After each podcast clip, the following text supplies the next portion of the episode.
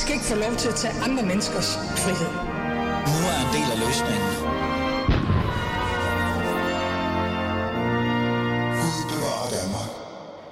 Ja, Gud bevarer Danmark. Velkommen til. Du lytter til Alis Fæderland, og mit navn er Ali er min Ali. Og jeg er del med tilbage efter en lille sommerferie pausesending, hvad nu man kan kalde det. Men nu er vi tilbage, og vi sætter selvfølgelig fokus på alt det, der er vigtigt og, og meget interessant at tale om i Fæderlandet selvfølgelig. Og vi har faktisk to rigtig gode emner til dig i dag til at starte med. Lad os bare introducere begge emner med det samme. Passer det egentlig, at flertallet af borgerne i vores lille andedam ikke ved, hvor galt det faktisk står til med vores asylpolitik? Meget godt spørgsmål. Og det andet er, burde vi egentlig ikke fra et liberalt perspektiv anerkende det, normstormerne arbejder for. Normstormerne, som har været, øh, fået en masse kritik og har været en ma- igennem en masse debat de sidste par to-tre uger, hvor ja, fædrelandet holdt ferie. Det er de to emner, vi skal tale om i dag. Og for at kunne gøre det, så har jeg jo selvfølgelig fundet de bedste kandidater til at kunne tale med mig om det her.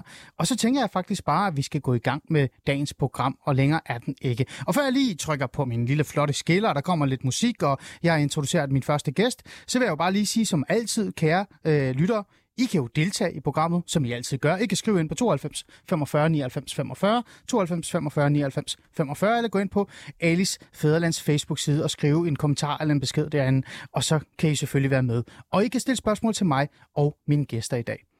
Med de ord, så siger jeg bare velkommen tilbage fra sommerferien. Lad os komme i gang med samtalen.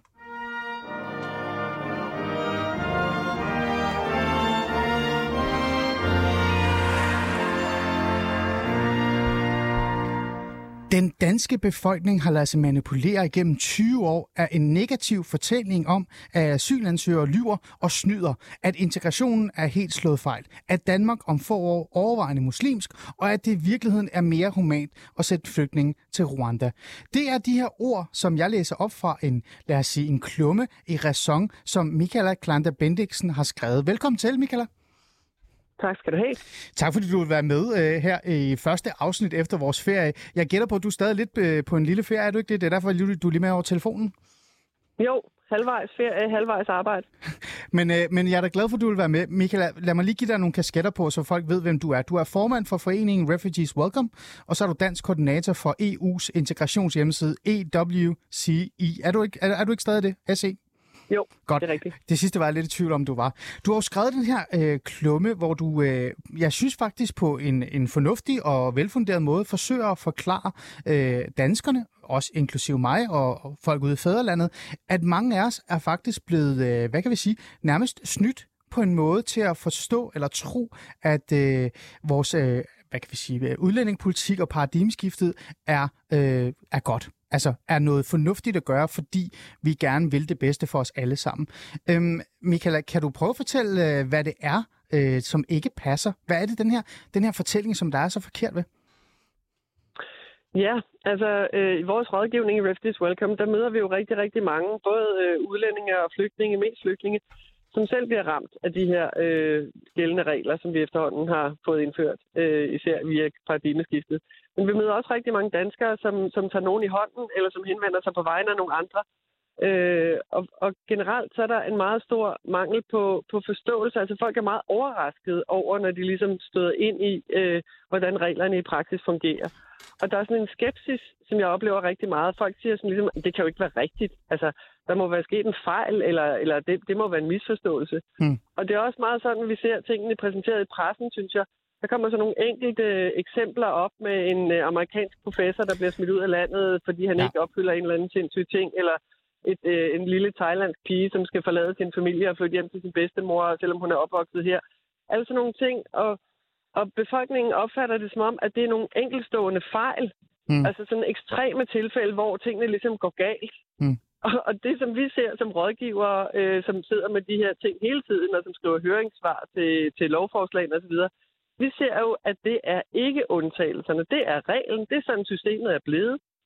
Og jeg tror faktisk ikke, at den danske befolkning bredt set bakker op om, hvordan tingene i virkeligheden er. Fordi de, de oplever det ikke. De er ikke tæt på det. Mm. De ved faktisk ikke, hvilken virkelighed de selv står i. Siger du, Michael, lidt, øh, og det er jo faktisk en ting, jeg gerne vil lige komme ind på senere med dig, omkring det her med de her enkeltsager, der dukker op med, med amerikanerne, der netop er taget afsted, øh, den thailandske eller koreanske pige, man lige pludselig dukker op øh, ud af ingenting, som skal hjemsendes. Men siger du, at de her enkeltsager, som øh, dukker op, de er ikke så tilfældige? Det er ikke sådan små fejl eller sysk. Det hele faktisk, øh, er, altså det er planen, det går efter planen? Ja, det er simpelthen sådan, reglen er. Altså, de her eksempler, det er bare eksempler på, hvordan reglerne rammer i virkeligheden. Det er ikke, fordi der er sket en fejl. Det er, fordi sådan er reglerne. Punktum. Hmm. Altså, og de rammer rigtig, rigtig mange andre mennesker, som ikke kommer i, i aviserne. Ja. Øh, altså de syriske inddragelsessager for eksempel. Hmm. Det er jo mange, mange hundrede flygtninge, som har fået de her breve i deres e-boks om, at nu kan du godt øh, opgive din tid i Danmark efter 6-7 år her, hmm. øh, uanset hvad. Og, og så er der nogle ganske få, som, som er øh, elitestuderende eller et eller andet, som ligesom tager mod til sig og kommer i, i avisen og præsenterer deres sag, og dem ser vi så. Men vi ser jo ikke alle de andre 100, hundredvis, som, som også bliver ramt af reglerne på samme måde. Hmm. Øh, Michaela, øh, vi kender jo godt selv øh, alle sammen, vi kender faktisk, de fleste danskere kender historien, øh, og, og man kan faktisk allerbedst tænke tilbage til 2015, motorvejen, der hvor der kom en rigtig stor gruppe øh, af flygtninge til Danmark, migranter, hvad man nu kalder det. Der er mange, der har forskellige navne for den gruppe, der kom der. Øh, mange siger jo, det var der danskerne virkelig, altså det gik op for dem, at, at flygtninge- og udlændingepolitikken, den var ikke god nok. Der skulle strammes til. Øh, der, der kom for mange, og man kunne ikke styre det. Der var også mange, der kom ud og sagde efterfølgende, at, at øh, EU-systemet, den måde, man modtager og man fordeler flygtningen, det var faktisk nedsmeltet, og det virkede ikke mere. Det, øh, det er der endda også fagpersoner, der har sagt. Men siger du, Michaela, at, at den hændelse, der skete der, den har måske været med til at sætte noget i gang, men vi er gået så vidt og så langt, at udlændingepolitikken er blevet strammere, end man nogensinde havde forventet, at den skulle blive, og at politikerne, igen som jeg sagde før, på en eller anden måde har formået at snyde befolkningen til at tro, at, at så galt står den heller ikke til, men i virkeligheden står den meget værre til, end den for eksempel, altså danskerne ønskede, at den skulle være 2015. Ja, altså øh, det, der skete dengang i 2015, det var jo, at, at tingene blev opfattet som en, en ekstrem krisesituation, som om hele Europa var ved at blive oversvømmet, og det ville gå fuldstændig galt med hele den europæiske kultur fremover nærmest. Og det var jo en ekstremt overdreven reaktion. Øh, altså, det så voldsomt ud, fordi der kom ret mange mennesker i en ganske kort periode, nogle ganske få steder hen. Men i virkeligheden var det jo altså et bruttotal, som siger 100 røv, som siger 1 million flygtninge i alt, som ankom til hele Europa på det tidspunkt. Det er faktisk ikke ret mange mennesker per land. Hvis de var blevet fordelt fornuftigt, så kunne vi sagtens have taget imod et, et nogenlunde tilsvarende antal hvert år. Og det, som, som vi tager imod nu af ukrainer, er jo mange, mange gange flere. Ja. Og der er jo ikke nogen tale om, at, at vi er under belejring, og det går fuldstændig galt, at vi skal lave alle reglerne om. Mm. Der har vi faktisk reageret omvendt ja. ved at sige, gud, det er jo frygteligt, de her mennesker har virkelig brug for hjælp, og de skal da have en, en ordentlig øh, modtagelse. Men, og det skulle syrerne da også have haft. Ja. Altså, Men Michaela, det er grund til at spørge dig, det er fordi, at, at jeg, kan jo godt, jeg kan faktisk godt følge dig i den her øh, idé om, at, at danskerne måske på en eller anden måde er blevet, altså blevet udsat for flere og flere udlændingsstramninger, og det måske ikke gå op for dem, at der bliver strammet mere og mere og mere og mere. Men jeg prøver bare lige at gå tilbage til startpunktet, så vi kan have en ordentlig dialog omkring det her. Det er jo det her med, at det startede jo især i 2015. Der blev størstedelen ja. af den danske befolkning positiv over for en stram udlændingepolitik. Og, og udlændingsspørgsmålet blev jo også et, et vigtigt spørgsmål i nærmest alle øh, valg, der kom efterfølgende selv. Kommunalvalg nærmest, ikke? Øh, så det, jeg bliver bare nødt til at forstå, Michaela, at det her ikke bare øh, øh, øh, noget, danskerne har bedt om, og nu er det så kommet, og, og sådan er det bare.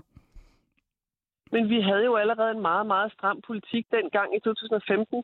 Det var jo ikke, fordi Danmark havde, var tag selvbord og fuldstændig åbne humanistiske regler i 2015. Altså tværtimod. Så det var jo en, en, en skør reaktion på en måde. Mm. Altså, mm. der var ikke brug for at stramme op. Der var Nej. brug for en bedre fordelingspolitik ja. internt i Europa. Ja, det var der, fordi der kom for mange mennesker til nogle ganske få lande i løbet af en kort periode, og det var svært at kapere. Mm. Men man skulle jo netop være gået ind i den fælles EU-politik, og Danmark gjorde det modsatte dengang. Ja. Altså, vi skulle jo netop have sagt, hallo, vi har brug for en bedre fordeling her. Det, det bliver simpelthen for upraktisk at tage imod så mange mennesker på nogle ganske få øh, mm. punkter. Og vi skal kunne styre, hvordan folk ankommer på en mere, øh, altså på en mere langsigtet måde. Vi skal tage imod folk på, på en mere reguleret måde. Og ja. det kunne vi sagtens have arbejdet for, og det har jeg været fortaler for altid. Mm. Og det er EU også fortaler for. Men Danmark er jo et af de lande, der lige præcis har vendt ryggen til den politik og sagt, at vi vil ikke være med i nogen som helst former for fordelingsaftaler. Ja.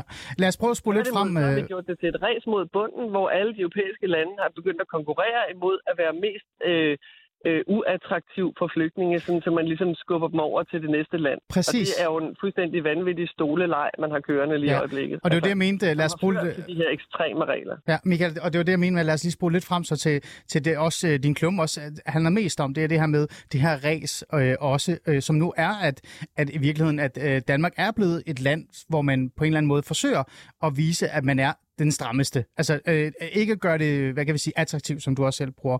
Øh, Michaela, ja. i, i, i det forstand, altså i hvert fald med de perspektiver, med de briller, så kan man da også godt sige, at der er rigtig mange danske politikere, der er ærlige omkring, at de netop ikke vil have, at Danmark skal være et attraktivt land. Og de får jo stadig ja. stemmer. Altså, der er jo stadig ja, danskere, der stemmer det, der Danmark på politikere. Meget, meget specielt på europæisk mm. plan, at de danske politikere siger direkte, at vi ja. vil ikke have nogen flygtninge overhovedet.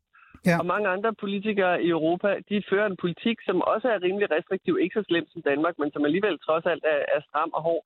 Men de siger ikke noget om det. Altså, de er ikke så, så klare i mailet, som de danske politikere er. Nej. Det er jo direkte racistisk, det som danske medlemmer af Folketinget siger. Det kan være altid debattere. Det, det kan være altid debattere. Det forestille sig i andre lande. Ja, men det kan være altid debattere. Men, men øh, nu holder jeg mig virkelig til det her emne, som er, og det er jo det her med, at du siger, at danskerne er jo blevet på en eller anden måde vidledt, og de ikke ved, hvor, hvor stramt det ser ud.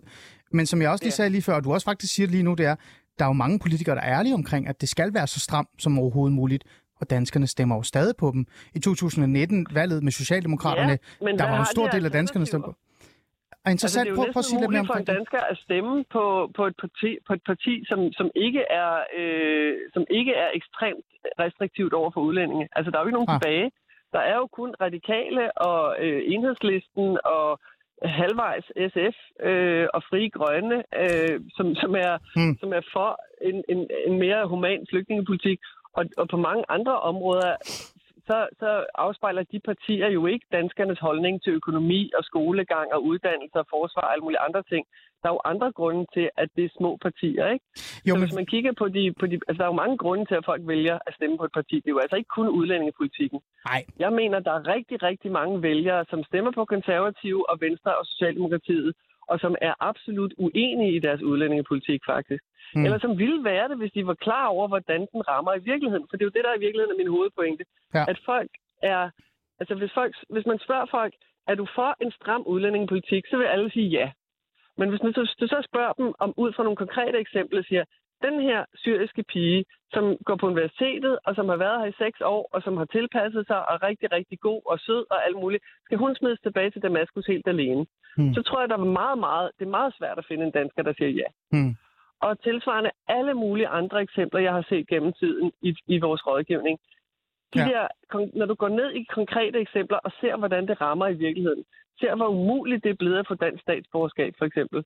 Ligegyldigt hvad man gør. Altså, og den måde rigtig mange vokser op selv som anden generation øh, i Danmark, og oplever, at ligegyldigt hvad de gør, så er det aldrig godt nok. Fordi de får aldrig en færre chance. De bliver aldrig behandlet ordentligt, ligesom danskere gør. Altså indfødte ja. Jeg ved, hvad du mener. Øh, ja. pære-danskere. Men, men der rammer du faktisk noget, Michaela, som har fået mig til at være lidt i tvivl. Øh, altså, jeg har jo selv kommet lidt i tvivl, for jeg har jo netop øh, også haft nogle af de her eksempler i mit øh, radioprogram.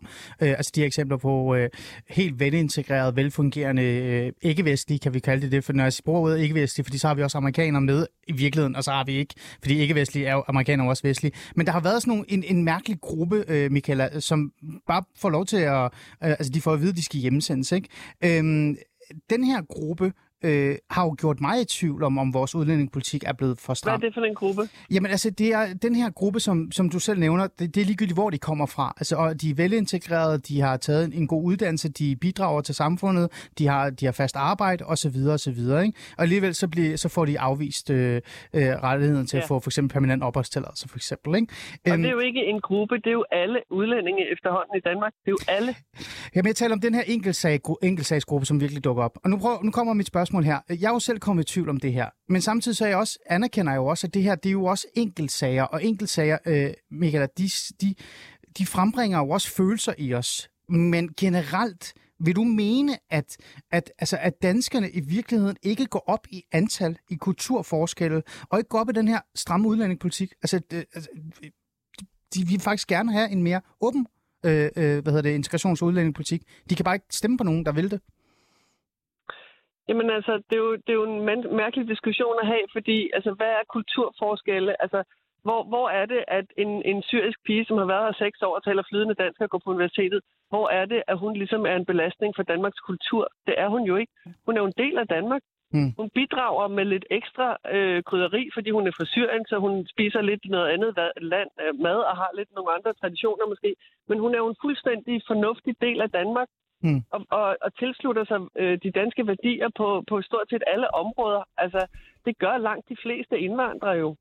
De, det, er jo, det der er jo lavet utallige målinger af. Gør, gør de, altså, altså gør de det, Michaela? Et andet sted, så har man jo ikke nogen fuldstændig modsatte værdier, og det er jo ikke sådan, at man ikke Altså, man bliver jo langsomt en dansker over tid. Altså, min familie er der ikke 100% dansk, hvis man går tilbage. Det er der ikke nogen danske nej, nej, der er. det kan jeg godt forstå. Vi er jo men... alle sammen øh, skabt langsomt ja. af nogle andre kulturer og nogle andre lande. Det er jo en, en, ud, en gradvis udvikling.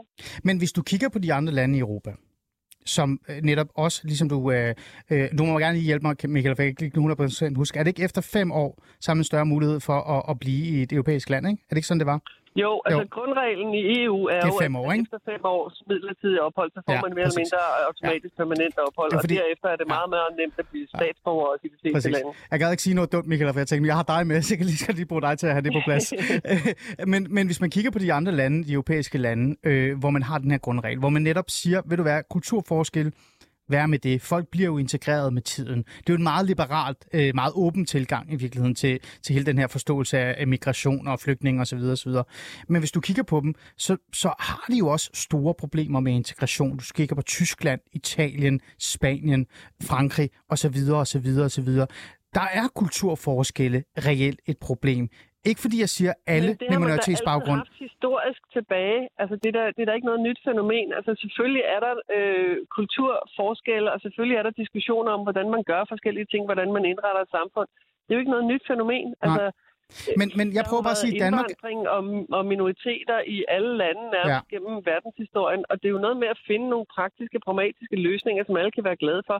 Jeg vil gerne diskutere integration, men jeg mener ikke, at man kan have en politik, som man har i Danmark, hvor man ligesom siger, at vi vil ikke have nogen fremmede, og de fremmede, der kommer, de skal absolut ikke have en chance for at få et ben til jorden, hvis vi kunne smide dem ud når som helst. Det er simpelthen en fuldstændig vanvittig øh, altså et vanvittigt punkt, vi er endt på, som, mm. som ingen rent faktisk bakker op om, når det kommer til stykket, mm. og som også ødelægger vores land på lang sigt, fordi vi har brug for den indvandring mm. også. Men så, Michael, så må prøve at spørge dig, hvad er det så, du tror, at danskerne støtter op omkring? Altså, fordi, tror du, nu stiller jeg dig bare nogle simple spørgsmål, de er meget lige til at forstå. Tror du, at danskerne vil have en, øh, altså tilbage til 90'ernes udlænding- og integrationspolitik? Nej, fordi integrationspolitikken var ikke særlig effektiv dengang, men Nej. vi har lært utrolig meget siden. Mm. Vi er blevet meget, meget bedre til at integrere, og lige præcis den store gruppe, der kom fra hovedsageligt Syrien i 2015, de er blevet ekstremt godt integreret, øh, hvis du sammenligner med dem, der kom i 90'erne for eksempel, eller ja. i, i 80'erne. Øh, mm. Så vi har lært meget af integrationen. Det er, det er et andet samfund, man, man ankommer i i dag, end dengang. Okay. Øh, du, kan ikke, du kommer ikke til at kunne se, om 30 år kan du ikke finde en kvinde, der ikke har lært dansk, sådan som du kunne i sin tid med de tyrkiske gæstearbejdere. med al respekt, Michaela, det kan, du no- det kan du nok godt stadigvæk, hvis du går ud i de boligsociale områder. Ikke om 30 altså... år. Nej, ikke om 30, ikke ah, ikke om 30 år. Hmm. De indvandrere, der kommer nu, der vil du ikke kunne finde nogen om 30 år, som ikke har lært dansk.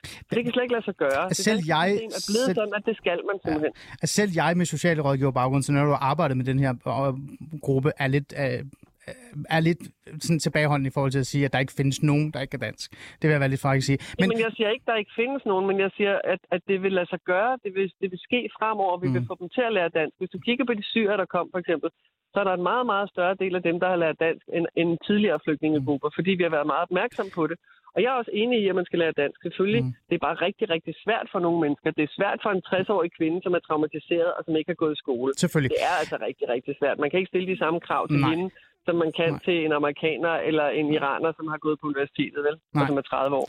Men, men bare tilbage til det her med, altså hvis kultur ikke er et stort problem, hvis, øh, hvis den her øh, stramme udlændingepolitik i virkeligheden ikke er det, danskerne gerne vil, så tænker jeg, at så havde de jo stemt på Fri Grønne og på Enhedslisten og Radikal Venstre, Nej. og så havde vi jo haft en Nej. radikal Fri Grønne øh, regering. Øh, Gud, øh, hvad det må betyde, det ved jeg jo ikke, men, men det er jo ikke det, der sker, øh, Michaela.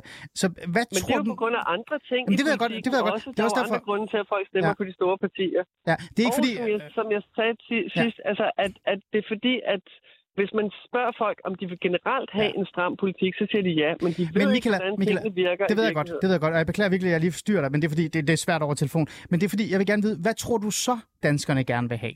Altså, øh, hvis nu du kunne sætte øh, udlændingepolitikken, altså dagsordenen i forhold til den, hvordan reglerne sættes, skulle det så, hvad skulle det være? Skulle det være åbent? Skulle det være mere lempende? Skulle man fjerne de her enkeltsager? Skulle man være bedre til at kigge på individet, øh, men samtidig holde fast i for eksempel ikke for mange, altså et antal? Eller er du ligeglad med, hvor mange der kommer ind? Altså selv øh, enhedslisten har jo et, en grænse for, hvor mange flygtninge de vil Altså, tage imod. Antallet er jo ikke et problem i sig selv. Det kommer jo kun Mm. an på, hvordan man tager imod dem, hvordan, man, hvordan, man, hvordan det lykkes samfundet at opsluge dem på en eller anden måde. Den store gruppe, der kom i 2015, har jo vist sig ikke at være noget problem. Den store gruppe, der kom i 95 fra Bosnien, viste sig også ikke at være et problem. Så det er ikke antallet, der i sig selv er et problem. Mm. Altså, Øh, og integrationen bliver man nødt til ligesom at, at, at skubbe lidt ud af flygtningediskussionen og sige, det er nogle problemer, som vi må løse som samfund. Men samtidig er vi altså nødt til, uanset hvad, at tage imod et antal flygtninge fra verdens brandpunkter. Fordi vi er et stabilt og sikkert og stærkt og rigt land. Ja. Vi skal løfte det der ansvar på lige fod med alle mulige andre lande. Vi kan ikke bare sige hus forbi og sende dem til Rwanda. Nej. Det kan vi simpelthen ikke være bekendt. Nej. Vi skal tage det ansvar på os, fordi de mennesker har brug for et sikkert sted at være. Hmm. Og så må vi løse integrationsproblemerne, når de er her. Og det kan vi også sagtens. Det har de seneste erfaringer jo lige præcis vist. Hmm. Vi har jo aldrig været så gode til at integrere folk, som vi er i dag. Måske fordi vi har haft nogle, en meget stram og borgerlig tilgang til integrationen. Men, men, men lad Nej, det det ligge. tror jeg faktisk ikke. Lad jeg det tror ikke, altså stramme regler gør ikke integrationen bedre, men det er klart, at nogle af de øh, muligheder, eller nogle af de ting, som ikke fungerede i, i 90'erne for eksempel, de er blevet rettet op, og der er blevet bedre systemer. Ja. For eksempel er der meget mere klare regler omkring dansk undervisning og krav til, til at man skal stå til rådighed for arbejdsmarkedet for at få kontanthjælp Ja, og sådan noget. Og det Absolut. synes jeg er glimrende. Og okay. der er rigtig meget jobtræning, der er rigtig meget praktik osv., som hjælper, som er godt. Hmm. Øh, Så det er bare den vej, vi skal gå, så kan Mm. vi faktisk opsluge mange flere, men vi er nødt til at behandle dem som mennesker og give dem en færre chance, når de er her. Mm. Vi kan ikke have regler, som, som, ska, som, som øh, skaber de der enkelte situationer, som vi hele tiden ser. Okay. Øh, Michaela, jeg, jeg ringede jo faktisk til dig og blev nysgerrig og vil invitere dig i mit øh, program, fordi jeg netop faktisk står øh, meget langt væk fra øh, din øh, tilgang til udlænding- og integrationsområdet, og også øh, øh den her øh, analyse, du har lavet. Men samtidig så blev jeg faktisk nysgerrig, og, og fordi du satte noget refleksion i gang i mig, netop på grund af den her, altså er det virkelig blevet for stramt? Kan du forstå, hvad jeg mener, Michaela? Altså, fordi, Ja. altså, er Ja. vi virkelig øh, strammet mere og mere, uden vi selv kunne følge med som, som vælger, fordi vores politikere er stukket lidt af? Så her til sidst... Det mener jeg. Jamen, det ved jeg godt, du mener. Og jeg er faktisk jeg er stadig sådan lidt kommet lidt i tvivl, ikke? Så tak for det, Michael, at du har fået mig til at være lidt i tvivl. Men her til sidst, øh, nu er der jo valg lige om lidt, ikke? Det tror jeg i hvert fald, der er. Øhm, hvad er dit håb her? Øh, altså, håber du, at, at, at de fleste partier i Danmark at de sådan indser, at måske er det på tide at lige stoppe lidt op? Eller, øh, eller, eller, eller hvad er dit håb her? Altså, det bliver utrolig svært, fordi at, at øh, de borgerlige og, og øh, virkelig fremmedfjendske partier, de øh, bliver ved med at angribe et hvert tiltag for, til, til en ændring. Det bliver de ved med at angribe som, åh, oh, nu skal vi åbne op, og nu skal alle bare komme, og nu er der bare et frit til selvbord. Det er jo ikke det, der er sagen nødvendigvis. Man kan jo sagtens have en, en reguleret tilstrømning og nogle, og nogle krav og nogle fornuftige regler, som, så, som gør, at alle kan følge med osv., og at folk bliver øh, selvforsørgende i så høj grad som muligt osv. Det kan man sagtens have samtidig med, at man åbner for et større antal, og man sørger for, at det er nogle regler, som er fair. Altså, jeg går ind for, jeg tror, de fleste danskere går ind for, at man har nogle regler, som er fair. Altså, Okay. hvor der bliver stillet nogle krav, men hvor det også er rimeligt nok, at det er nogle, nogle krav, som folk rent faktisk kan leve op til, hvis de gør, gør deres bedste. Ah, okay. Og Så, det, sådan er det jo ikke i dag. nej. Det er jo nogle vanvittige kafkaske regler, som, som giver de mest ekstreme situationer, som man hele, hele tiden ser i pressen. Ja. Det er jo resultatet af reglerne, det er ikke undtagelser. Det er jeg faktisk ikke ret i til sidst. Det, det, den får du med. Det, det synes jeg også. Jeg, jeg håber jo også, Michael, at på en eller anden måde, at vi får sådan lidt en lidt mere fokuseret udlændingepolitik. Lad os sige det på den måde. Øh, Ja. Men vi må se, hvad, hvad det bringer. Tak fordi, Michael, hvis du gad at være med og lige sætte nogle refleksioner i gang i mig, men også min, øh, min lytter i forhold til det her. Øh, måske er det på tide også danskere lige sætter os ned og tænker lidt over, altså, øh, er, har vi selv... vi kender reglerne, og vi rent faktisk ved, hvad der skal til Ja. for at få permanent ophold, Ja. for eksempel. Altså, vi sætter, også, vi sætter også meget ind i, hvad, hvad der sker i vores daginstitutioner, så måske skulle vi også gøre øh, det med det her. Er det ikke rigtigt? Det vil jeg opfordre til. Det er godt. Michael, tak fordi... meget øh, det, lad os nu se på det. Tak fordi du vil være med øh, og til at lige at sætte noget, nogle tanker i gang her hos mig. Selv tak. Det var en fornøjelse.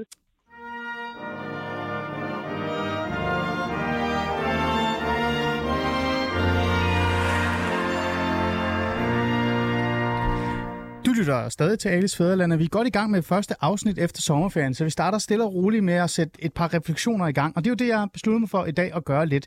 Jeg har taget øh, det, i hvert fald to emner op til, til samtale, kalder jeg det, men også en lille smule debat, som har fyldt lidt i mit hoved her de sidste par uger, hvor jeg har været på ferie. Det første, som vi kom forbi her de første halve time, det var det her med, passer det egentlig, at flertallet af borgere i vores lille andedam, altså i Danmark, ikke rigtig har forstået, hvor galt det står til med vores asylpolitik. Altså er den blevet så stram, at vi ikke engang selv kan forstå, at den er blevet for stram? Fordi vi muligvis muligvis er blevet sådan lidt snydt øh, og bedraget øh, eller svindlet af vores øh, kære politikere. Ikke noget, jeg er sådan 100% er enig i, men jeg synes faktisk, at Michaela, som jeg havde med i starten, Michaela Klante Bindiksen, som er fra, altså formand for foreningen Refugee Welcome, har skrevet en fin øh, klumme ræson om, og så tænkte jeg, det vil jeg sgu gerne have en snak om. Og vi fik en rigtig god samtale omkring, er vi egentlig blevet snydt og bedraget, eller handler det i bund og grund også nok bare mere om, at vi gerne vil have en fokuseret udlændingepolitik, og vi skal være sådan, vi skal sætte os lidt mere ind i, hvad det er egentlig, vi giver vores politikere lov til. Det synes jeg jo altid er godt. Så det var første del. Anden del, som så er nu, øh, er noget helt andet. Vi skal snakke om normstormerne. Og lad mig bare introducere mine gæster med det samme, for jeg tænker, så, så er de med fra start. Øh, velkommen til, Mikkel Andersen. Tak for det.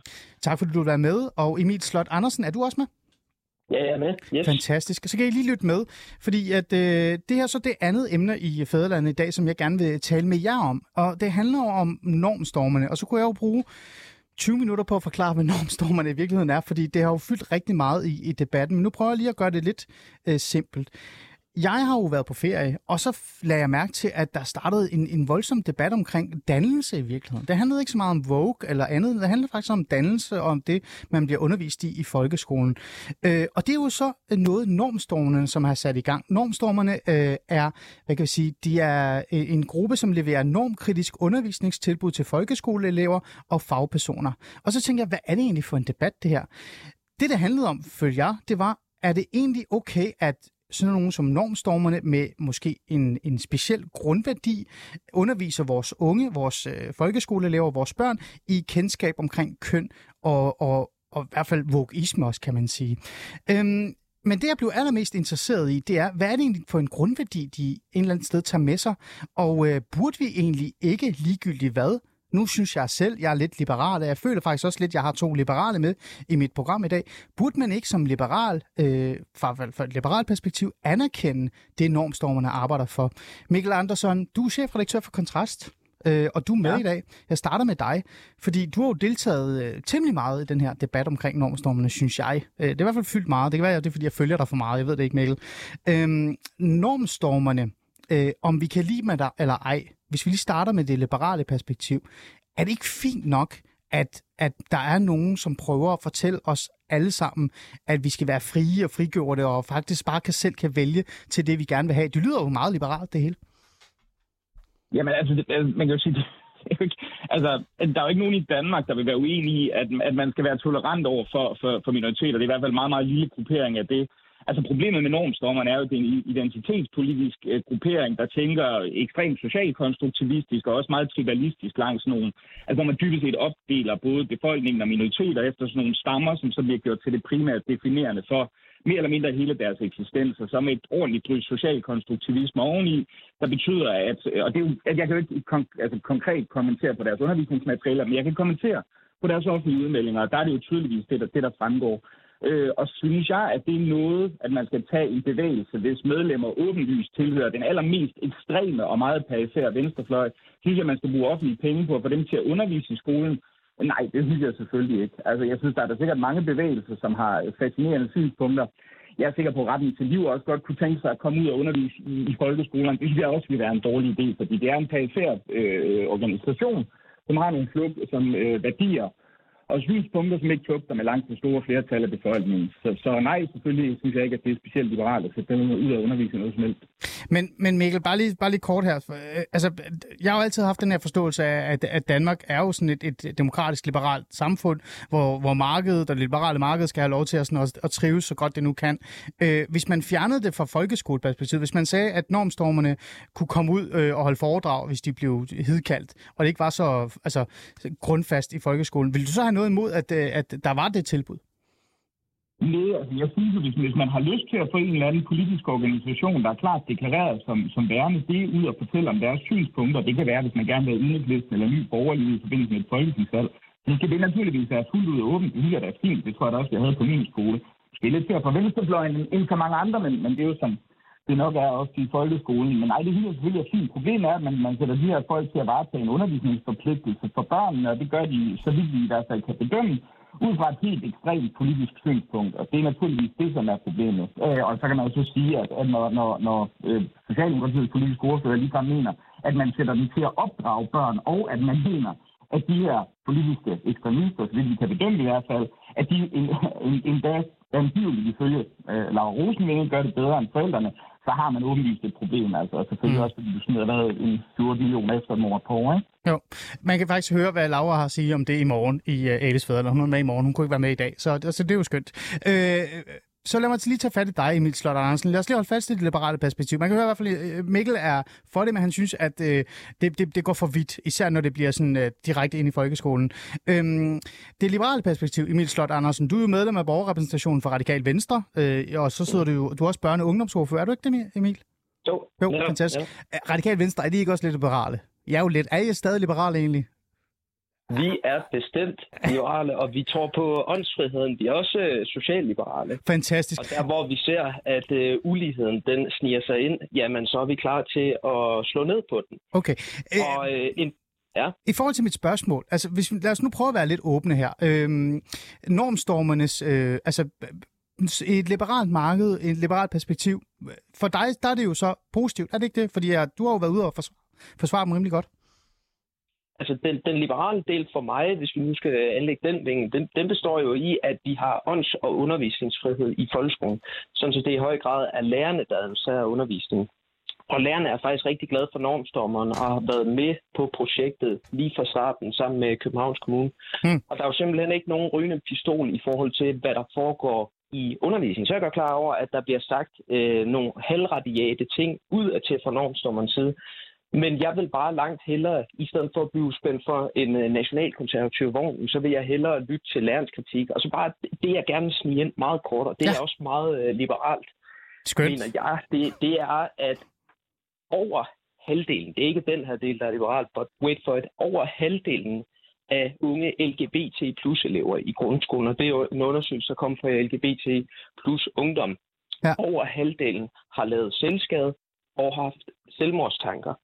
Der er rigtig mange, der også oplever, jeg tror, der er 9 ud af 10, som øh, oplever, at øh, de bliver kaldt øh, bøse eller lesbisk, eller som, altså nedsættende. Det er i hvert fald det, som de giver udtryk for i den her undersøgelse. Det kan godt være, at Mikkel Andersen siger, at alle abonnerer på tolerancen som værdi. Det er bare ikke det, man ser i praksis i grundskolen. Og derfor synes jeg, det er jo godt, at, at øh, normstommerne de kommer ud med det, jeg som bare kalder den sokratiske dialogmetode, og stiller de kritiske spørgsmål, mm. øh, hvor man eksempelvis, jeg har læst et eksempel, hvor man stiller sig op på et kateter som normstormer, og så siger man, Hvorfor det her underligt? Jamen det er fordi, det ikke er en norm. Vi har også en norm om, hvordan en mand skal være tit. Man må ikke uh, græde og skal være stærk og så videre. Uh, vi har ja. en norm om, hvad der er normal seksualitet. Og det er noget af det her, vi skal okay. prøve op, og det giver frihed. Okay. Det giver frihed. Emil Slot Andersen, øhm, nu sidder du jo, du er medlem af borgerrepræsentationen for Radikal Venstre, og det vil jeg jo mene er et, et stort ansvar, øh, man tager på sig, ikke? når man sidder der og, og et eller andet sted har fået øh, magt af, af vælgerne. Øhm, den her med, at øh, nu har vi fået det liberale perspektiv på plads, I er uenige der. Jeg vil ikke sige, hvad jeg øh, tænker her. Lad, lad jer to bare øh, øh have øh, ordet i dag. Men mm, altså grundværdierne, øh, når nogen kommer ind i vores folkeskole, skal undervise vores børn, øh, er deres grundværdier ikke vigtige for dig, Emil Slot Andersen? Det er først og fremmest vigtigt for mig, at der er tydelighed om, hvad det er for en kasket, de går ind med, når de er i undervisning. Mm. Altså er det forkyndende undervisning, ligesom hvis det var partier, man fik øh, på besøg, er det den genre, som hedder normkritisk undervisning eller dialogbaseret undervisning, hvor man stiller øh, spørgsmålene, eller er det så, man kan sige, naturvidenskabelig klassisk undervisning? Det er jo også noget af det, som lærerne skal være med til at vurdere og reflektere over. Mm. Og det vigtige er for mig med, med lige præcis normstormerne, at når de er i skolen, jamen så er det den tilgang, som jeg kan se på YouTube, de fortæller om, jeg kan læse mig frem til artikler, jeg har selv talt med dem, altså så er det den åbne sokratiske dialogmetode, hvor man ikke sådan forkyndende tvinger nogle kønsopfattelser ned over eleverne. Men er det ikke, en, en, er det ikke noget, du håber på? Altså, for det ved du jo ikke. Du er der jo ikke dagligt. Og, og tænker du ikke, at når en person eller en forening eller øh, nogle mennesker, der kommer og skal undervise vores folkeskoleelever, når de tager øh, en grundværdi med sig ind i deres arbejde, det tænker jeg jo, de, de tager med, for det er jo der, de kommer fra. Det er der, de, de, det, de er dannet af. Det er det, de er formet af. Er det så ikke vigtigt at sådan et eller andet sted at forholde sig til det også, i stedet for at på en eller anden måde måske lidt naivt sige, at det kan godt være, at de lyder en lille smule ekstremistiske. Vi skal nok komme ind på, hvad det er, der, der gør dem en lille smule ekstremistiske. Det kan godt være, at de lyder det, men det er jeg sikker på, at de ikke tager med i, i folkeskolen. De tager ikke med i øh, undervisningen. Er det ikke lidt naivt? Øh, jeg synes, at den mest sikre tilgang, først og fremmest, fordi for mig er det det processuelle i det her, der er gået galt. Det mest sikre for mig, nu taler du om, det er et stort ansvar at sidde som børne- og ungdomsordfører i Borgermissionen. Det er jeg meget enig med dig i. Ja.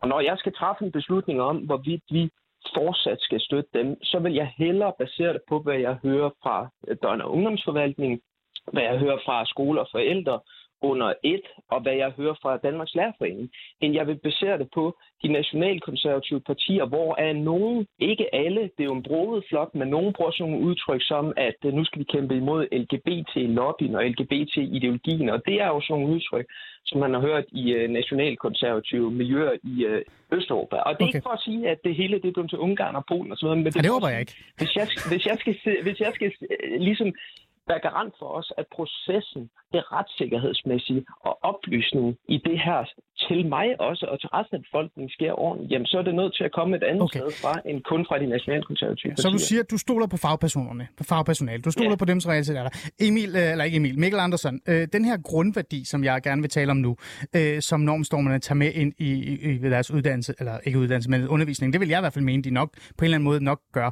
Den har du jo skrevet om på et Facebook-opslag. Du har siddet og hygget dig lidt i, i, øh, i ferien. Øhm, den her øh, grund øh, værdi. Øh, stoler du på, at de ikke tager den med ind, som kan, godt kan være en lille smule ekstremistisk? Nej, det gør jeg selvfølgelig ikke. Altså, det gør jeg ikke. Jeg, jeg vil da regne med, at, at altså, fordi det er jo et ekstremt politisk projekt. Altså, vi, vi, vi taler om folk, der helt åbenlyst har, har erklæret og også offentlig affinitet til den aller, aller, aller mest ekstreme øh, socialkonstruktivistiske og identitetspolitiske venstrefløj. Så når de går ud og anbefaler, for eksempel på deres hjemmeside, Fed Front, som er nogen, der mener, at problemet med overvægt, det er ikke sundhedsmæssigt, det er noget, kapitalismen har skabt, når de anbefaler køns- eller raceopdelte demonstrationer, som de gjorde i forhold til Nørrebro Pride, når de går ind og siger i forhold til, til, til hvad kan man sige, spørgsmål om transkønnethed, hvor, hvor det er meget tydeligt, de abonnerer på den her idé om sådan et, et iboende køn, der er fuldstændig løsrevet fra biologien, så vil jeg da også regne med, at det er nogle ting, eller jeg vil i hvert fald anse det for ordentligt plausibelt, at det er nogle værdier, de også tager med sig i undervisningen. Så vil jeg også Emil, bare lige for at vende lidt tilbage til det alt, altså nu ved jeg selvfølgelig godt, at han går helt amok, og det er jo det store talking point blandt normstormernes mange uvage venner, at det er sådan noget østeuropæisk noget, hvor man nok er Viktor Orbán, hvis man, hvis man er uenig med det her. Der vil jeg så sige, der skal vi så lige være opmærksomme på, at ifølge en del meningsmålinger, så må størstedelen af, af Danmarks befolkning altså være tilhængere af Viktor Orbán i forhold til mange af de her ting, fordi store dele af befolkningen er det der forskning på Universitet og mange andre steder, der, der bekræfter ganske kritisk over for de her relativt ekstreme socialkonstruktivistiske projekter, de har. Derefter, derudover så vil jeg også gerne lige tilføje, nu er Emil godt i gang med den her med, at, at en masse øh, LGBT-unge, de har både selvskade og, og hvad kan man sige, øh, har rapporteret andre problemer i forhold til deres identitet, og det anerkender jeg naturligvis fuldt ud, og det, det ser ud til at være rigtig gode datamaterialer for. Men er der nogen evidens for, at det er det, som normstormeren, der laver, der modarbejder det her? Det stiller jeg mig lidt tvivl over for. Altså jeg vil sige, jeg tror, i, i den største delen af folkeskolen, og nok måske i særdeleshed i København og Aarhus, tror jeg, vi skal lede meget langt længe efter nogle folkeskolelærer, der vil gå ud og sige, at man ikke skal være tolerant, som vil støtte op om øh, hets mod LGBT-personer eller noget som helst andet. Det er klart, at der findes selvfølgelig i folkeskolen elever, der mobber på grund af seksualitet, på grund af hårfarve, på grund af briller, på grund af alle mulige ting, fordi sådan er børn. De mobber dem, der falder udenfor. Det er klart, at det er usympatisk, og det skal modarbejdes. Men at gå ud og sige, at det er normstormeren, der er en eller anden form for sølvkugle i forhold til at få modarbejdet det her, det synes jeg godt nok er lige lovligt frisk. Emil, du får lov til lige at svare på det. Jamen, jeg tror på, at det er ekstremt betydningsfuldt, når der kommer folk fra normstormerne, som jo selv har en baggrund inden for, for LGBT plus miljøet, og så fortæller deres historie og kommer med de spørgsmål, som får eleverne til... Jamen, de, fortæller, de, fortæller, de fortæller altså ikke deres egen historie. Øh, Emil, hvis du skulle være meget opmærksom på, hvis du ser den video, som du selv linker til, i Ja, deres, ja, det hedder, i, øh, Ja, men der fortæller de jo meget konkret og redegør meget for, at de synes faktisk, det er et meget stort problem, øh, deres repræsentanter, og tage afsæt i deres personlige historie. Det synes de er sådan grænseoverskridende, og sådan, ligesom får den udstillet lidt som, så vidt jeg husker, de talte om program på Ramachan, som sådan en slags cirkusdyr. Øhm, så, så det er jo ikke det, de umiddelbart gør. Altså, de har jo et andet ideologisk projekt, hvor man kan sige, at der i forbindelse med de forskellige minoritetskulturer eksisterer sådan nærmest særlige, unikke, stammemæssige kulturelle affiniteter, som man så abonnerer på i kraft af sin seksualitet. Så de er sådan nogen, der egentlig næsten, kan man sige, lidt groft opdeler folk i sådan nogle socialkonstruktivistiske stammer, i stedet for at gå ind og sige, jamen, hvordan laver vi en, et, et tolerant og mangfoldigt reelt fællesskab. Ikke? Det afspejler sig jo også i det her med, de anbefaler Ibrahim X. Kennedy, de anbefaler Nørrebro Pride, som er nogen, der meget stramt går ind og opdeler folk. Altså og siger man, jamen det er faktisk en god ting at opdele folk på grund af, specifikt i forhold til det her tilfælde, på baggrund af hudfarve. Altså, ja, så bare lige for at gøre det helt klart. Ja, Emil Slot, dig ja. ja. du har ordet. Et er, hvad normstormerne de siger i offentligheden. Der er jo ingen tvivl om, at de er en politisk organisation. Når jeg siger, at det sådan set er essentielt, at der kommer nogen med en baggrund inden for LGBT-miljøet, så er det også, fordi de kender til nogle af de problematikker, som de så skal få eleverne til at reflektere omkring. Det kan jo heller ikke helt udelukkes, at de fortæller, hvad for en baggrund de selv har. Så er jeg godt klar over, at de egentlig først og fremmest jo gerne vil stille de åbne spørgsmål. Det tror jeg sådan set også er, er meget sundt. Vi ser jo også en situation, hvor rigtig mange lærere og de lærerstuderende jo, at ja. de klager over, at seksualundervisningen ikke er bare taget godt nok. De er ikke informeret godt nok om i grundskolen eller øh, via læreruddannelsen, mm. hvordan seksualundervisning skal udføres. Så derfor bliver vi nødt til at have en ambition. Og det er jo der, hvor man så også må spørge de nationalkonservative kræfter, eller ja. borgerlige, hvem, hvem nu endelig vi, vi stiller det her spørgsmål til, som har stillet sig kritisk over for normstormeren. Hvad er det, man helt konkret vil gøre i stedet for? Her har faktisk et rigtig godt projekt, som kørt siden 2012, som Jamen, det er, er tilfredse ja, med, to som laver undervisning. Ja, Emil, ja. Emil, øh, ja, Mikkel, du får lov til at, at, at svare lidt med, for jeg, Emil Slot, øh, du bliver ved med at sige det her med nationalkonservative, og du har trukket Orbán ind i det, og du siger, at grund til, at det er rigtig godt, at normstormerne eksisterer, det er, fordi de kan sætte nogle ord på, for eksempel LGBT plus øh, individer føler og mærker. På den måde kan man sætte fokus på det i folkeskolen og gøre folk bevidste. Der kan sidde en øh, i klassen, som selv slås med det her med, om er man øh, altså har man sin seksualitet på plads eller ej, og det kan være, nyt, altså det kan være nyttigt at, at møde en for normstormerne. Øh, men med al respekt, Emil Slot Andersen, nu sidder du igen i børne- og ungdomsordfører, øh, og du er fra Radikal Venstre, og du bruger repræsentationen. Øh, alle de ting, du siger her, det handler jo ikke om noget, som der er behov for, at normstormerne lige specifikt skal gå ind og løse. Det her, altså når du taler om grupper, som har det skidt, det er jo, der har vi jo vores, øh, vores, hvad hedder det, øh, vores folkeskolelærer til at repræsent, altså varetage det. Det er jo fordi deres undervisning ikke er godt nok, for eksempel. Når du snakker om mobning, så er det jo skolen, der ikke er dygtig nok til at gøre det. Så burde man jo støtte skolen i at blive bedre til for eksempel at forstå de dynamikker, der er på spil. Måske nogle nye dynamikker, der er kommet i forhold til med køn og identitet og sådan nogle ting. Alle de her ting, det er jo noget, vi betaler rigtig meget i skat for, for at det skal kunne virke. Hvorfor skal et et, et projekt, øh, som altså som normstormerne, som grundværdier øh, virkeligheden er meget ekstreme. Det er det jo. Du siger jo selv, hvad de siger offentligt er måske lidt vildt. Øh, man har heller ikke indsigt i jeres materiale. Hvorfor skal de have carte blanche til at gå ind og forklare vores unge, hvad der er op og ned af sagen, når det er noget, som skal varetages af selve systemet? Det med, at der ikke er offentlighed omkring deres materiale, jeg er bare nødt til at sige, det, det stammer jo fra en sag, hvor at Christi Dagblad ikke kunne få agtindsigt i interne manualer og budgetoplysninger. Det var ikke det sted undervisningsmateriale. Det stod i de bilag, som de havde i borgermissionssagen på det tidspunkt. Så jeg, jeg synes egentlig, det er en væsentlig nuance. Jeg synes, men, men, måder, men hvis du vil svare på mit spørgsmål, i min slot, jeg spørger bare, fordi alle de ting, du har bremset op, ikke? du siger, at seksuel undervisning, mm. den er ikke god nok. Jeg, hvorfor forbedrer man ja. Altså, det jeg prøver at spørge dig om, Emil Slot, jeg, jeg, jeg, prøver, jeg, jeg prøver at spørge, ja. hvorfor kan man ikke gøre alt det her fra et fagligt og et neutralt perspektiv? Hvorfor er det, at du som radikalt venstremedlem, sidder i borgerrepræsentationen, stolt ud blank, sætter tilbage og siger, at jeg stoler på, at normstormerne går ind, og jeg er helt neutrale, når de underviser. Men når de står udenfor, så appellerer de for raceadskillelse, de appellerer på for ekstremistisk kønsopdeling, og jeg ved ikke hvad, jeg ved ikke hvad.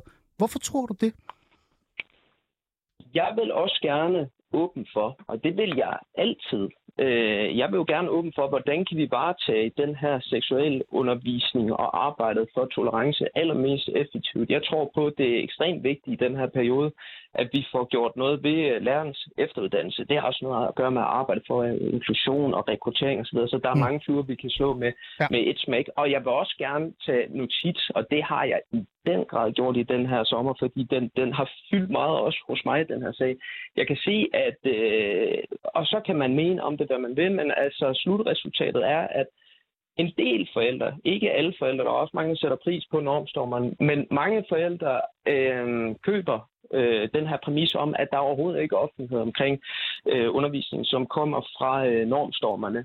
Og det sætter jo også normstormerne i en kritisk situation. Man kunne også have spurgt, skulle normstormeren være mere eksplicite, kommunikere mere åben? Man kan jo selvfølgelig også godt stille sig kritisk i forhold til, det er jo et dilemma, at man har en organisation, som som støtte, som både har et politisk synspunkt, og som så ja. samtidig varetager den normkritiske undervisning. Jeg synes egentlig ikke, at jeg har nogen grund til at være mistænkelig før, jo at lærerne, de kommer med deres indspark og stiller sig kritisk an, hvis det nu er der, det havner. Så jeg vil gerne åbne for, og det håber jeg alle noterer, jeg vil da gerne åbne for, hvordan kan vi indrette undervisning på en måde, sådan så vi allermest effektivt får arbejde for tolerance, selvfølgelig også sammen med lærerne. Men det vi ikke vil i Radikal Venstre, det er at blive spændt for en nationalkonservativ vogn, som er drevet af nogen, som gerne vil kæmpe imod LGBT-ideologien. Og det er der altså nogen i højrefløjsmiljøet. Ja, det kan godt være. Andre, men... Men nogen i højrefløjsmiljøet, ja. som abonnerer på ja. det her. Men nu står jeg og stiller dig nogle helt simple spørgsmål på baggrund af min ja. faglighed, som faktisk er socialrådgiverfaget. Og, og jeg, jeg synes, det er lidt specielt, at, at nogle af de ting, som man værdsætter rigtig meget, altså på fagligt perspektiv, altså på fagligt niveau, det der med, at man skal være neutral, når man for eksempel giver vejledning, øh, man underviser, man, man øh, også virkelig, når man snakker med børn, ikke, når man har med unge at gøre, at det på en eller anden måde bliver smidt ud af vinduet, øh, fordi man har sådan en tiltro til en politisk organisation. Øh, det er det, jeg bare prøver at efterspørge, sådan, Emil Slot Andersen. Ja. Er det ikke meget godt, når man sidder i, øh, med, med de øh, stjerner, du har på skuldrene, at man bare lige tænker sig lige en gang mere om, nu når man har blevet udsat for så meget viden omkring normstormerne de sidste par uger, at man lige går tilbage og tænker, måske kan det her godt klares på et lidt mere fagligt neutralt øh, grundlag, end, end det lidt ekstreme grundlag, som det nu kommer fra i virkeligheden. Altså det simple svar på det spørgsmål er, jo, det er sundt, at vi tænker over det. Jeg synes også, at vi må tage det med i debatten generelt, hvordan vi indretter kurserne under åben skole, fordi det her det er under åben skole, det er hvor private aktører kan udvide ja. kurser, og så kan man melde sig til øh, kurserne på vegne af sin klasse som, som lærer. Og der er jo vikingværksted. Vikingværksted, det har jo også rødder i øh, måske nordisk øh, mm. mytologi. Øh, der er meditation, som kan have rødder i buddhisme osv. Ja. Altså, der er jo alle mulige, som udbyder undervisning, som jo også kan have nogle, man kan sige, slagkraft. Ja. Emil, lad mig lige spørge dig en lille ting her, før jeg giver det til Mikkel, for nu har jeg glemt, fuldstændig glemt Mikkel. Mikkel, jeg har ikke glemt det helt. Øh, øh, nu nævner du noget med nordisk. Nu spørger jeg dig bare lige konkret. Det er sådan et tankeeksperiment.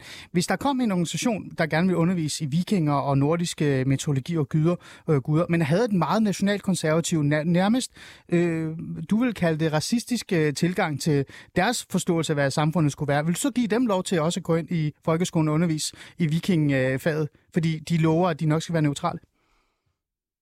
Altså, det, det må komme øh, an på den enkelte vurdering. Altså, hvis det ligefrem er noget, hvor man sådan bryder lov med, med racistiske udtalelser, så vil det blive for meget for mig. Men, men princippet om, at det er vigtigst, hvad der foregår. Altså det essentielle er, hvad der foregår i undervisning, og så kan man have synspunkter ved siden af. Det vil jeg gerne holde, holde hævet. Og jeg synes også, det er spøjs, når sådan en som, som uh, Niels Ravn fra, fra Ny Borgerlig, han, han skrev i et indlæg i politikken, at hvis det var CEPOS, så er det en anden sag. Altså CEPOS er jo en meget højere drejet uh, ja. organisation, i hvert fald på den økonomisk front, men han synes, det er okay, at de ja. underviser. Så, så det bliver jo sådan lidt hyggeligt. Okay. Hyggeligt, ja, det, det, jeg kan godt se, hvad du mener. Ja. Mikkel Andersen, øh, du, du sagde meget hurtigt, men jeg ved det godt, hvem der skal undervise i de her ting, i stedet for at det skal være så politisk. Øh, hvem vil du sætte til at, at, at klare den her opgave i stedet for normstormerne, for eksempel? Nå, nej, altså, det var mere som om, at der ikke var nogen alternative eksterne aktører. Altså, altså, jeg vil sige, først og fremmest mener jeg jo, at seksualundervisning er, er noget, som, som først og fremmest skal varetages af folkeskolelærerne. Hvad det så skal indeholde, det er jo så en mere specifik diskussion, fordi man kan sige, hvor, hvor, meget, hvor meget skal man egentlig fra skolens øh, side gå ind og diktere, hvordan, altså man kan sige, der er nogle ting, som du selvfølgelig godt kan sige, folk ikke skal gøre, men, men hvordan skal man sige, altså hvordan et godt samler er, for eksempel, I don't know. Men, men det er en anden diskussion, men min pointe var bare, at øh, at, at, at der findes, altså øh, sex og samfund øh, har også undervisningsmaterialer, de ligger sjovt nok offentligt tilgængeligt på deres undervisningsportal. LGBT Ungdom har også forskellige folk, de, de kan sende ud. Så der er rigeligt, hvis du gerne vil høre historier fra os unge homoseksuelle eller noget andet, så er der altså, så er der altså rig mulighed for det i forvejen. Det er ikke sådan som om, at der, der er sådan et eller andet vakuum, hvor det, hvor det kun er normstormerne, der kan komme ind med deres hvad kan man sige, mildest talt øh, åbenlyst venstreekstreme og identitetspolitiske baggrund og varetage det her, fordi sådan forholder det sig naturligvis ikke. Altså, men, men jeg synes bare, så synes jeg måske også den der med, at, altså, at der er sådan en slags, jamen det er også bare fint, alle kan ligesom komme ind og undervise. Altså, jeg kan nok se, hvordan det radikale venstre vil reagere. Hvis vi nu sådan bare sådan rent kontrafaktisk forestillede os, at Indre mission eller retten til liv lavede en organisation, der hed øh, bedre familieplanlæggerne for eksempel. Nogle vi ved er abortmodstandere, men som bedyrer, at de skal ikke komme ind og politisere i undervisningen, men de vil jo ikke fremlægge, hvad deres konkrete undervisningsmaterialer er. Jeg kan nok vide, jeg kan nok vide, hvordan, hvis det skete over i Ringkøbing. Og, og måske kunne man også få nogle, nogle lærere derovre fra, der kunne sige, vi synes faktisk, det er knippet fint, det her, det er altid os. Øhm, altså kan jeg nok vide, hvordan det var, når vi ser reaktionen fra det radikale venstre. Det må jeg naturligvis bare tage til efterretning, hvis man vil sige, at man synes, det var en alle tiders idé. Emil, men, øh, Emil Slot Andersen, lad os lad os spørge Emil Slot Andersen, synes du, det kunne være en fantastisk idé? Jeg er sikker på, at der er nogle folkeskolelærer i, øh, i øh, hvad hedder det, Midt-Østjylland, der stemmer kristen, kristendemokraterne, der synes, det kunne være en fremragende idé. Altså hvis man får en, en uh, organisation ind, som underviser i, at uh, der ikke skal udføres uh, abort. Uh, ja, nej, uh, familieplanlægning. Nej, nej, nej, familieplanlægning. Det gør de ikke. Men vi ved bare, ja, at de men... modstander abort, men de siger, at de ikke underviser i det. Ja, hvordan vil du have med det? Jeg, jeg, synes sådan set jo, at spørgsmålet er kløgtigt, fordi jeg må da ærligt indrømme sagt på moderne dansk, at uh, det vil jeg have det frem med, men jeg opfatter bare heller ikke det sådan, at normstormerne i praksis i undervisningen udfører rabiat undervisning, fordi at tilbuddet er lavet sammen med Danmarks Lærerforening i København, og mm. Danmarks Lærerforening i København er rigtig frisk med det, og det er derfor, jeg vil gerne, når jeg kommer tilbage i arbejdsåret, nu har jeg jo arbejdet meget på den her sag om normstormerne over sommeren, men så vil jeg sikre mig, at vi får en god samtale med fagaktørerne om, hvordan vi kan udbyde seksualundervisning, hvem der skal det, hvordan vi klæder lærerne på, hmm. og hvordan det også sker i videst mulig omfang i offentlighed. Vi ved jo godt, hvad du vil sige, hvis jeg sagde til dig, og hvis alt virkede, som det skal virke, så er der jo ikke noget om det. Men Emil Slot, hvis du gik tilbage og dyrkede lidt mere i det her, og gik lidt mere grundigt til værks, hvad nu, hvis der kom noget tvivl tilbage? Hvordan vil du stå med, med det her? Altså kan du øh, uddybe det spørgsmål? For eksempel var fra folkeskolelærerne eller andre, der, der sagde sådan, jamen altså, vi har tænkt lidt over det, og vi kan faktisk godt se, måske er det lidt problematisk. Hvordan vil du så forholde dig til det? Jamen, så vil jeg lytte i høj grad, og så vil jeg spørge dem, okay, hvordan kan vi finde en konstruktion, sådan så vi indretter på en måde, så I også er tilfreds med det. Og jeg tror jo også, at de har stillet, og det er jo noget, jeg kan ære mig meget over, så må man bare konstatere, at det, sådan er det normstormeren står i en exceptionelt svær situation, når den øh, nye skolesæson øh, åbner, fordi det bliver relativt vanskeligt for en lærer at invitere normstormeren ind, uden der vil rejse sig en øh, forældrestorm. Og det tager jeg jo selvfølgelig også bestik af, hmm. at vi er nødt til at overveje, hvordan kan vi gøre det her, sådan så det bliver så afpolitiseret som muligt, og sådan så, at vi mest effektivt for hver krone, kan man sige, kan få fremmet tolerancearbejdet. Det skal ske i samarbejde med fagaktørerne. Okay, godt. Tak for det, Emil Slot Andersen, øh, medlem af borgerrepræsentation for Radikal Venstre, børn- og ungdomsordfører også, fordi du vil være med øh, i din... Det var din ferie, ikke? Jeg har forstyrret dig. Eller hvad? Ja, nu er vi jo blevet snart i det, den, den 1. august, så jeg synes, det er ganske udmærket. Jeg synes, det var en god samtale. Tak det er godt, Emil Slot. Du er altid velkommen igen. Og Mikkel Andersen, chefredaktør på Kontrast, tak fordi du gad at komme og hjælpe mig med at lige at sætte lidt mere ord på, på det her med normstormerne. Mere end bare, hvad de underviser i, men også grundværdierne osv. En fornøjelse. Jamen, det var så lidt. Det var en fornøjelse. Ja, og øh, til jer lyttere, øh, vi er jo tilbage. Så med de ord, så siger jeg bare tak, fordi I lyttede med i dag. Vi er tilbage fra ferien, men nu er der i hvert fald nyheder. Du lytter til nyhederne på 24 /7.